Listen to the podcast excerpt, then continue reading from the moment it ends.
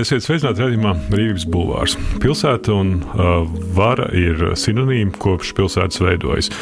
Varas manifestācija publiskajā vidē un veids, kā veidojas pilsētas, visciešāk ir saistīts ar notikumiem pasaulē kā vara un režīms Krievijā, karš Ukrainā ietekmē to, kas notiek Rīgā, Jūrmalā, Londonā vai Dubajā, kas ir varas nākotnes metropols. Par to raidījumā Brīvības bulvārs saruna ar sociālo antropologu Viesturu Celmiņu. Labdien! Sveiki!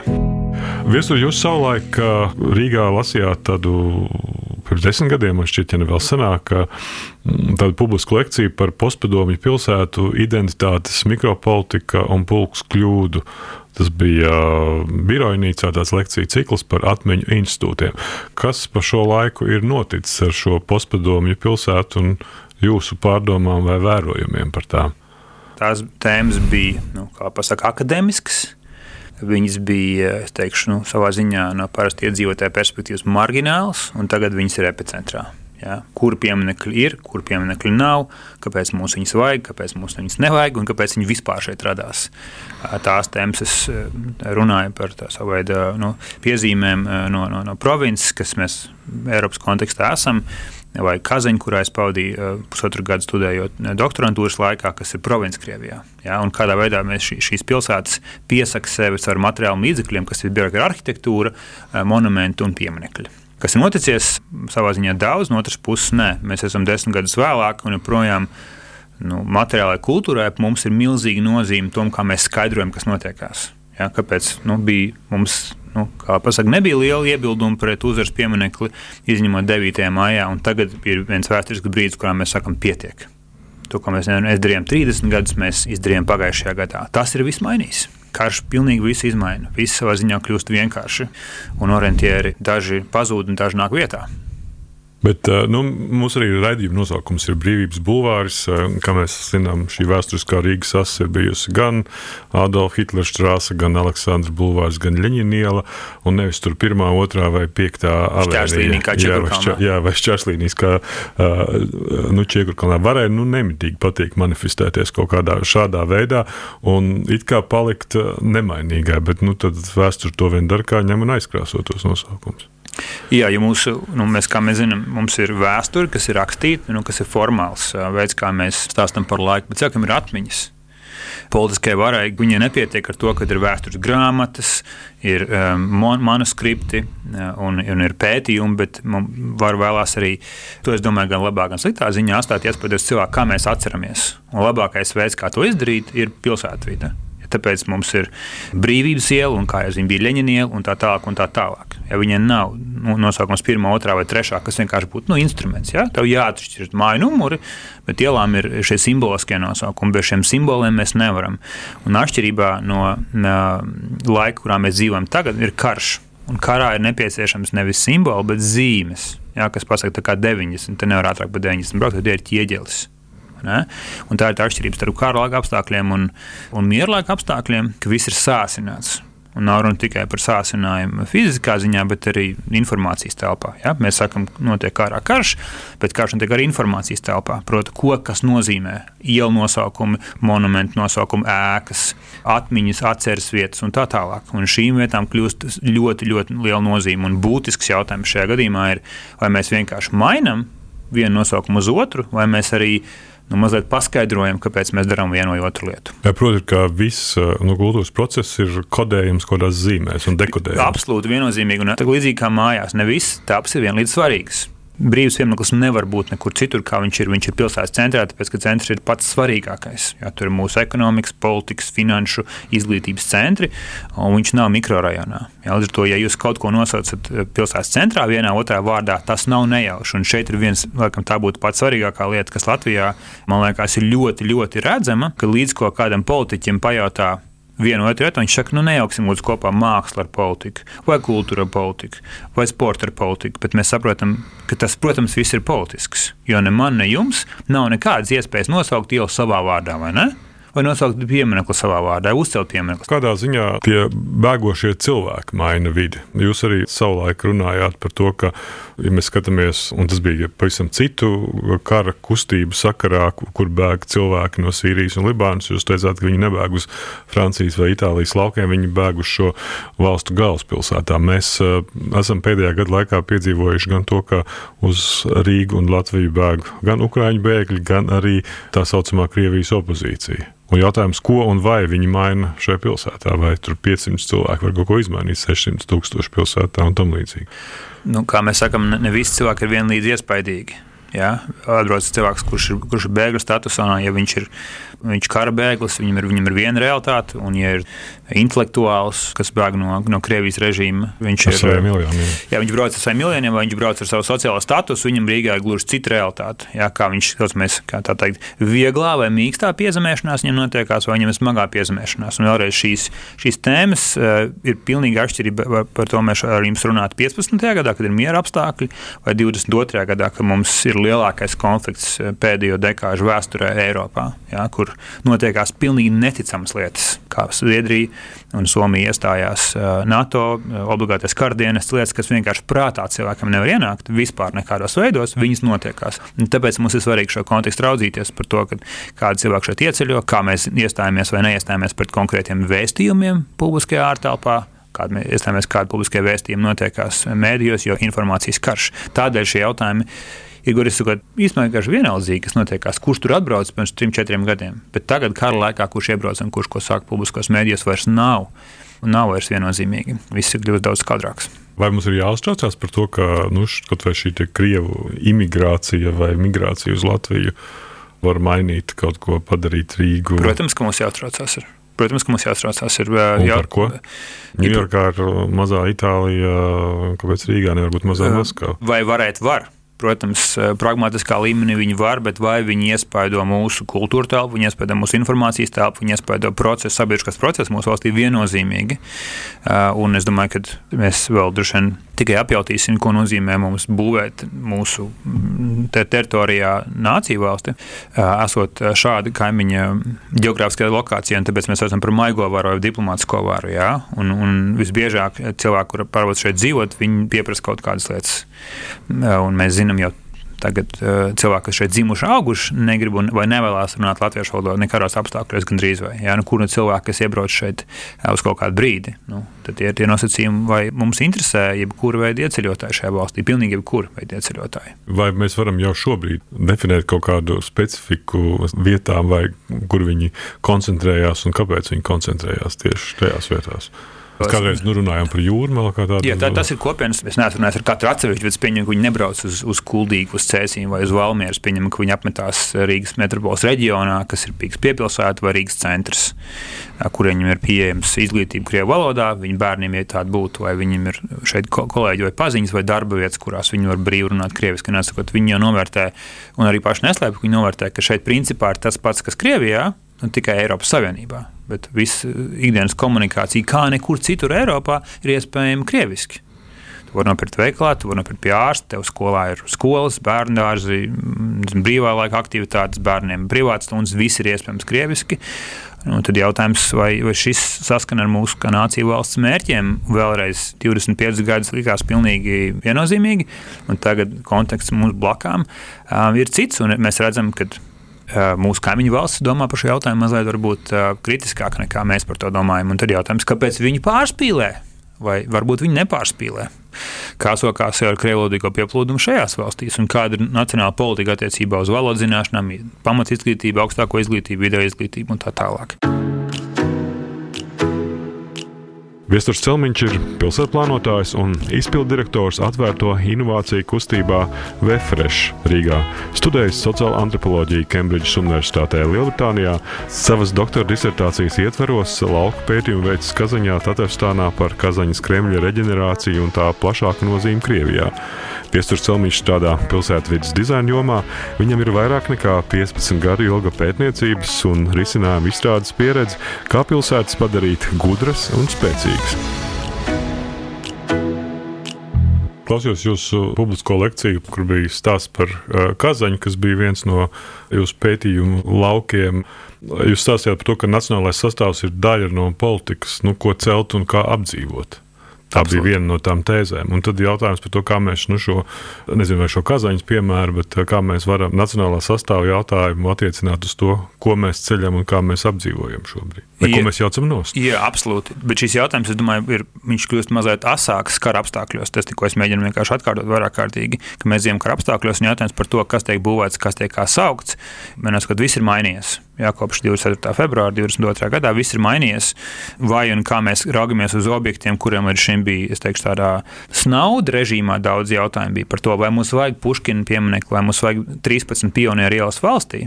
Ja, un kādā veidā šī mūsu otrā lielākā kopiena sevi piesaka publiskā ārtelpā, mūsu pilsētā, mūsu laukumos, viņš ir kļuvis, kļuvis būtisks. Ja. Tas, ko es vēlos pateikt, kad šajā brīdī, kad daudziem cilvēkiem zūd orientieri, kas ir kas. Tad arhitektūra, būvniecība ir tā vieta, kur šie orientēri tiek atkal nu, nolikti. Kā mēs sakām, lauciņš tiek nomarķēts, ja viņš tiek sakārtots vēlreiz. Tas ir ātrākais veids, kā to izdarīt.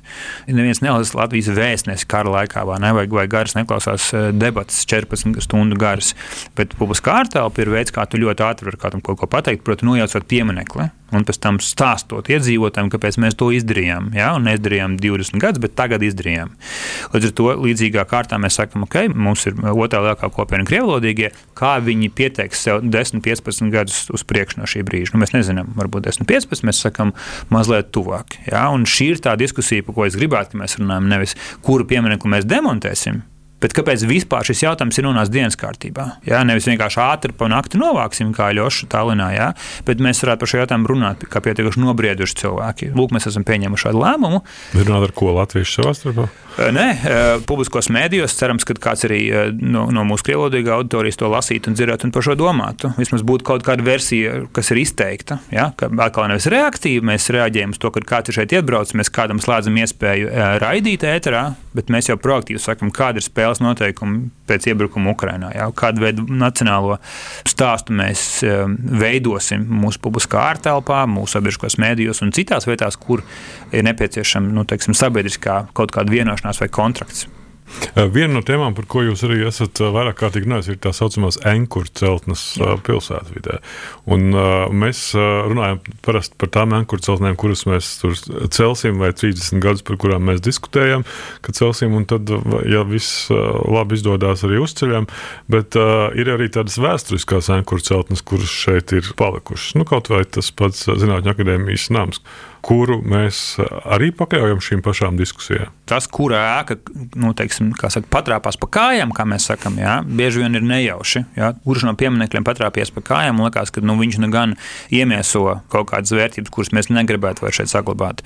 Jā, bet tā ir tā, es domāju, būtiska atšķirība, kur mēs sakām, ka monumenti jā, ir principā atmiņas institūcijas. Šis piemineklis ir šeit, tāpēc, ka mums šī lieta ir svarīga, un šis cilvēks ir svarīgs mūsu geogrāfijā, vēsturē, politikā, un savukārt ēkām ir parasti, nu, protams, funkcionāli nozīmīgs. Pirms, tas ir izglītība, vai finanses, vai politika, vai mājoklis, vai kā savādāk. Līdz ar to es nošķirtu šeit zinātņu akadēmijas ēku no, pieņemsim, Barklēda Tolī pieminekļa. Tie ir divi dažādi simboliskā vēstījuma nesēji. Viens ietilpīgāks, otrs daudz nozīmīgāks. Ja? Nu, teiksim, jūs, jums nav daudz rūmas interpretācijai, kad skatāties uz vienu vēsturisku tēlu, ja? kur galvenais uzdevums ir bijis ja, Napoleona sakā, kur šilts rakstīts.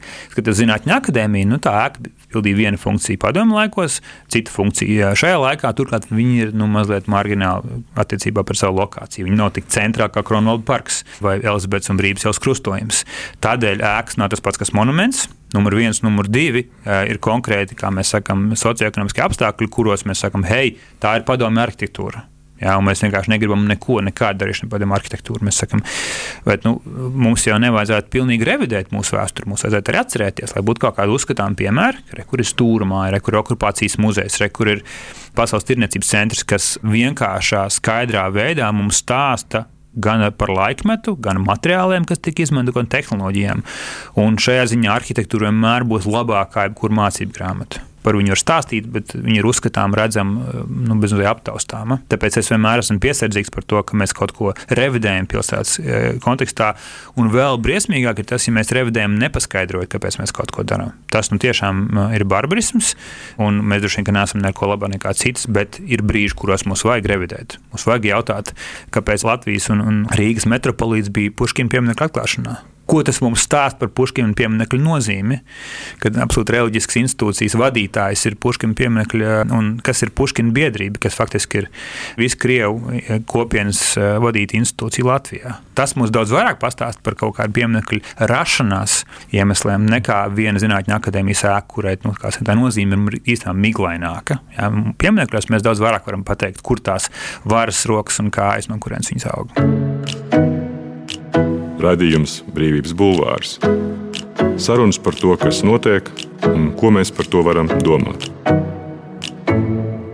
Varbūt mums vispār ir par maz pieminiektu, vai Rīgā ir par maz pieminiektu, jo pārsvarā man šķiet, ka Vai, nu, arī tas ir vēsturiski dēļ tā mm, laika perioda, ka mēs ļoti daudz varam sastapt dažādas PSRS okupācijas perioda zīmes un uh, identifikācijas zīmes gan ēkām, kad šeit ir dzīvojis viens vai otrs cilvēks, par kuru biogrāfiju mēs vispār neko vairs nezinām vai nenojaušam. Un, uh, un varbūt tieši šis pēdējo 30 gadu atjaunotās Latvijas periods ir atstājis pārāk maz es piekrītu jums. Es piekrītu, ka mēs 30 gados neesam izmantojuši šo publisko ārtelpu un materiālus līdzekļus, lai, kā pasakāt, tas smagais vārds būtu manifestētu vai pieteiktu sabiedriskā līmenī. Acu līmenī. Ko tad nozīmē šī jaunā republika? Ko tad nozīmē šī jaunā valsts? Kas ir viņas vērtības, kas ir orientācija? Vēl bez atmiņas nu, tiksim, institūcijām, kas ir atceres pasākumu un citas lietas, kas ir, nu, kuras ir mazliet vairāk tāds retrospektīvs, bet tāds nākotnes vīzija mums ir absolūti deficīts. Un tad jums ir šīs statujas, Kā nu bija tas? Bet tas ir vienīgais veids, kā var manifestēties. Mm, nē, bet viņš ir paliekošākais. Jums, jums var būt atmiņas koncerts, jums var būt dziesmu svētki, bet viņi ir, protams, gaistoši. Jums paliekās šāda atmiņā, citam paliekās tāda atmiņa, kāds bija tur pārkars, kāds bija nosauts, kāds bija nogarlēkāts, kāds bija iejūsmināts. Savukārt, ir sevišķi monumenti, pieminekļi, viņi ir paliekoši. Līdzīgi kā mēs katru gadu dzimšanas dienu no jauna teksā, piesakām un atzīmējam un atceramies, jā, līdz ar to šeit atšķirās pieminekļi no vienkārši statujām, kas var būt dekoratīvas. Statuja rīzniekam liekas kristaps, ja, nu, tur viņam nav nekādas politiskās nozīmes. Viņš ir dekoratīvs galvenokārt un tāds eifemisks, tāds apcerīgs. Savukārt, monumenti, kas ir atmiņas institūcijas, mēs pasakām, lūk, kā mēs domājam, lūk, mums būtu jāatcerās, kurš uzvarēja Napoleona karā, kurš uzvarēja 905. gadā. Jā? Un mēs sakām, kādas ir bijušas pēdējos 30 gadus lietas, kuras mums būtu jāatcerās, jādomā, un kas būtu objekti, kas mūs pavada mūsu ceļā no punkta A un punkta B pilsētvidē un pilsētas centrā turklāt. Ja mēs skatāmies izējām cauri pilsētas nu, centram, tas piemineklis. Jā. jā, es būtu gribējis, ka šī diskusija, kāpēc šī lokācija ir šeit, kas ir Gunārs Astras nozīme vispār Latvijas vēsturē, jaunajā vēsturē, būtu aktīvāka un, un kā pasaka, mazliet dinamiskāka un raitāk. Un iedomājamies, ja mēs pareizinātu Gunārs Astras pieminekli uzreiz, teiksim, trīs, ja? nu nevis 30, bet teiksim, trīs šādi pieminekļi. Mums būtu labs precedents, kā aizdarīt stāstīt. Ja? Mēs noliekam strīpu mūsu padomu mantojumā, mēs, mēs pārskatām jautājumu par to, kādi cilvēki ir pie varas, kāda bija viņa loma iepriekšējā režīmā, kāda ir viņa loma šajā režīmā, un citi jautājumi, ko mūsu um, kaimiņā, kā Lietuva, Igaunijā, rūpīgāk pārskatīja. Līdz ar to nu, tāpēc... kas ir kaut kāds uh, politiskās vīzijas trūkums.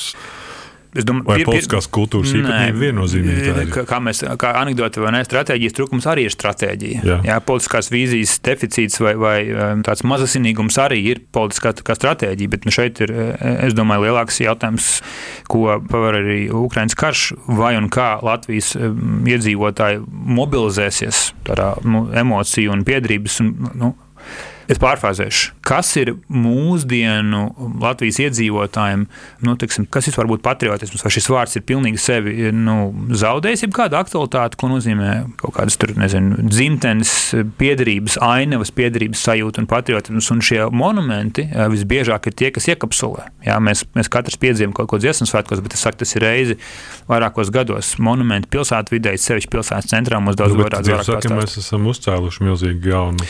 Jā, un, un es domāju, tā ir lieliska dzīves svinēšanas komponente, bet vēlreiz notikumi, notikumi ar, ar Ukrajinu mums diezgan daudz liek ko pārdomāt. Un vēlreiz es domāju, ka mēs esam būtiski iekavējuši šo jautājumu. Mums nav pieminiektu, par kuriem tā kārtīgi padiskutēt. Jā, par to, kur un kāds pieminiekts atrodas. Es zinu, kā sociālā antropoloģijā to sauc par tādu tīrīšanas fāzi, kad vispirms ir tā kad visu iztukšo. Jā, es, ir lietas, kuras ir, man liekas, jau, ja, ja ne pa vēlu, ne, ir iz, izaugusi pilnīgi jauna paudze, kuram Helsinki 80 nozīmē pilnīgi neko. Jā, vai jautājums par brīvību liekas vienkārši triviāls, nu kaut ko no nu, vecmāmiņa un tur, teiksim, kaut kāds prievītis, jā, kas tāda par brīvību ir.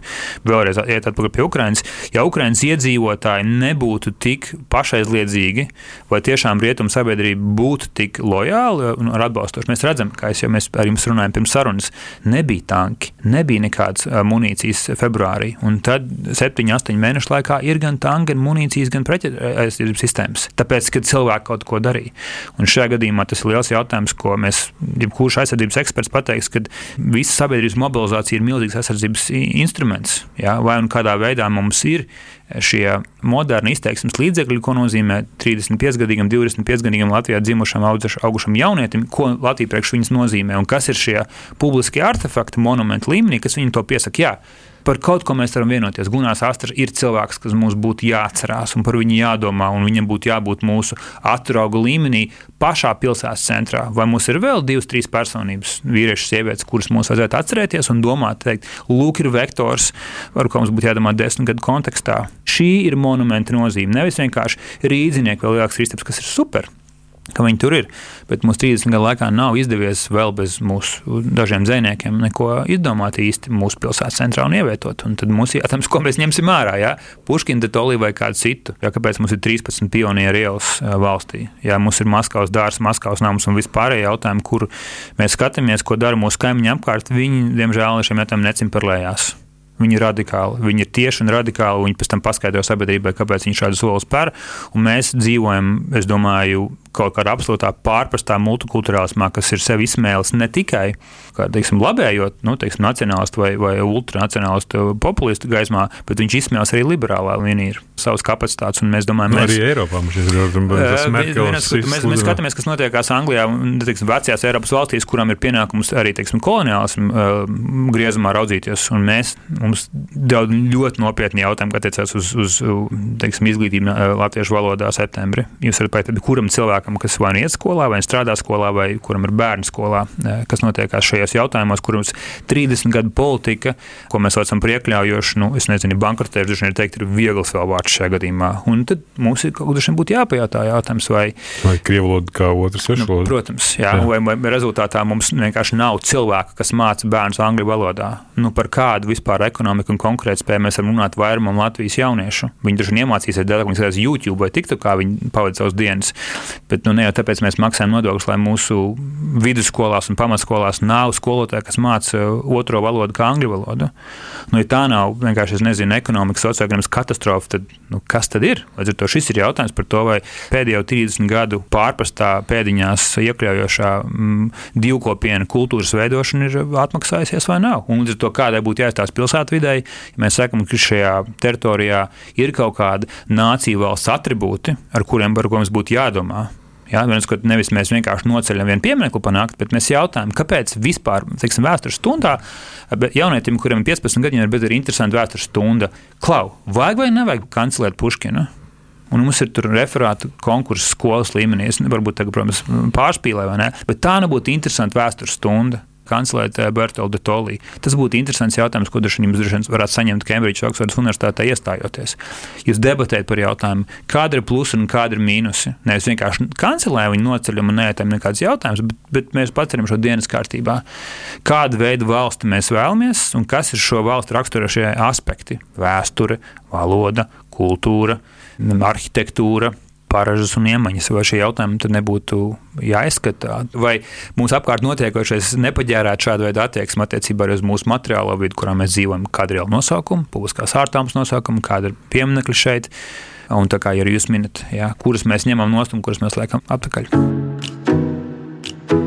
Brīvība, robežas, personība, vara, tauta, ideja, viedoklis, nākotne, dzīve un attieksme Raidījums Brīvības Bulvārs. Bet kā jūs saprotat, ka nācija valsts ir kaut kāds projekts? Protams, kas ir projekts. Jā. Mēs zinām, no kopš 19. gadsimta nu, mēs, tā, tā jau ir nezinu, absolūti skaidra ziņa, ka nācijas tiek uzrakstītas. Jā. Mēs sakām, tur ir ļaunais bruņinieks, un tur ir laimdota. Jā, mm. mēs, mēs zinām, ka šie ir veidi, kā nācija valsts tiek pieteikta. Ne, nebija tāda latviešu vienota nācija 15. un 17. gadsimtā. Šeit bija tautas, un tad viņas tiek apkopotas kopā un pasakā, jā, tie būs latvieši. Lai gan te bija desmitiem cilšu, kas bija, kur bija stiprāk, kur bija vājāk, noteica dažādi apsvērumi. Ja, nācija, nācija ir projekts, kas tiek veidots. Nav nekāda tāda latvieša, kur ir 6000 gadu, vai ne? Es pieņemu, ka visi sāk to saprast. Un ir lietas, kas to labāk iemieso. Kad tu jūties kā Latvijai piederīgs cilvēks dziesmu svētku, eh, tur vienas dziesmas vai otras dziesmas laikā, vai ne? Vai tu brauc pa Latvijas konkrētu geogrāfisko vietu, un tu saki, jā, es, es jūtos, kā jaunieši saka, man ir specifisks vibes šo piedzīvot. Līdzīgi arī pilsētvidē. Mums ir, mēs svinam eh, mūsu nacionālos svētkus katrs savā mājās, bet mēs raugamies pa televizoru, mēs braucam uz nokļūt puķis konkrētā vietā. Tas kaut ko nozīmē tā vieta. Jā. 9. maija pie uzvaras piemēram nozīmē kaut ko citu, kā vienkārši 15. jūnijas. Tas bija kaut pilnīgi cits dažādas dienas. Mēs saprotam laiku telpā. Ja, šī ir diena, kurā mēs atceramies vienu otru lietu. Un tad jautājums, kas ir šie artefakti pilsētvidē, kas mums ļauj labāk pateikt un pieteikt to jaun, arī jaunai paudzei. Jebko nozīmē no tādā mazliet triviālā veidā, ko nozīmē patriotiska audzināšana, nekļūstot pilnīgi senila vai, vai saldsērīga vai, vai nu, vienkārši banāla.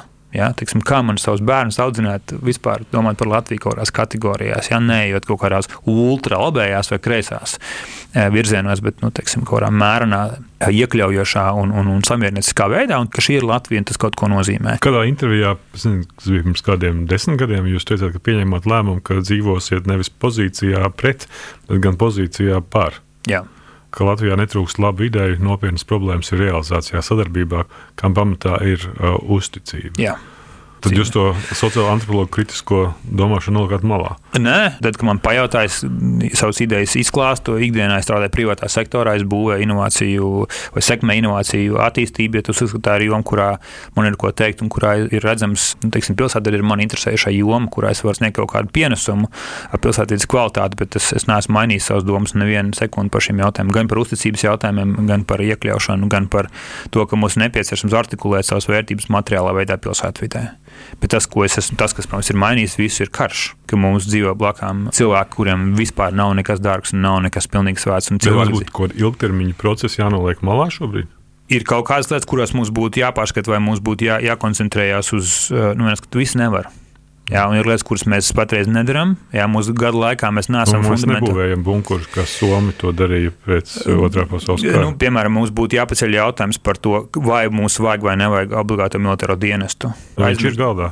Nu, bet viņš nekur nav pagājis pa gadu laiku. Es gribēju tikai pateikt to, ja mēs paskatāmies, kāda mēroga izmaiņas notiekās mūsu reģionā vienu gadu laikā, tad mēs neesam vadībā viennozīmīgi ar to, vai un kādas lēmumus mēs esam pieņēmuši kara apstākļos nu, es varētu dot jums atpakaļ šo cimdu, izmest, jā, kādu veidu lēmumus mēs kā valsts esam pieņēmuši attiecībā uz nezinu, mūsu izglītību, mūsu, mūsu kultūru, mūsu ekonomiku, ņemot vērā, ka mums apkārt notiekās. Nezinu, nu, cilvēki nespēja pieņemt ilgtermiņu jā, tas, man liekas, ir populārs lēmums, jā, kāda un, un, ilgtermiņa, īstermiņa vārdā. Un man liekas, ka viens iemesls ir publiskās eh, debatas kvalitāte. Nu, labi, neturpināšu šajā ziņā, cik mēs esam paši vainīgi pie šiem jautājumiem, bet uh, es gribētu teikt, ka šis laiks prasa mums kaut kādas radikālākas soļus attiecībā uz publisko kultūru un sabiedrības vīziju un, un līderību no politiskā sektora viennozīmīgi. Jā, es tikai došu piemēru, jā. ja Zviedrija iestājusies, grib iestāties NATO un neatlaidīgi grib to darīt, tas ir kaut kāds pavērsiens, ko cilvēkiem vajadzētu vienkārši sakot līdzi šī valsts, kas ir bijusi 150 gadus neitrāla, par spīti kuram karam viņi iet šo ceļu, un tāpat arī Somija, tam vajadzētu dot mums arī kaut kāds signāls, ka arī mums ir jādomā, kas ir jomas, kurās mums būtu nepieciešams nopietnāka attieksme, fokusētāka attieksme, un kuras mums varētu nedarīt, un kuras mums obligāti jādara. Pieņemsim izglītību, valsts izglītība, pamatskolās, vidusskolās, skolotāju. Um, apmācība, izglītības saturs uh, un tā skaitā vīzija par to, kā mēs dzīvosim šajos apstākļos ar, ar mūsu agresoru austrumos. Paldies! Tas bija sociālais antropologs Viestures Celmiņš, mans vārds Gins Grūve, radījumu ierakstīja Toms Šits un montēja Nora Mīspapa. Paldies! Paldies! Brīvība ir brīvība, nevienlīdzība vai taisnīgums, vai kultūra vai cilvēks laime. Tā teica Iesai Berlīns sarunas ar brīvas apziņas un ideju cilvēkiem raidījumā Brīvības Bulvārs.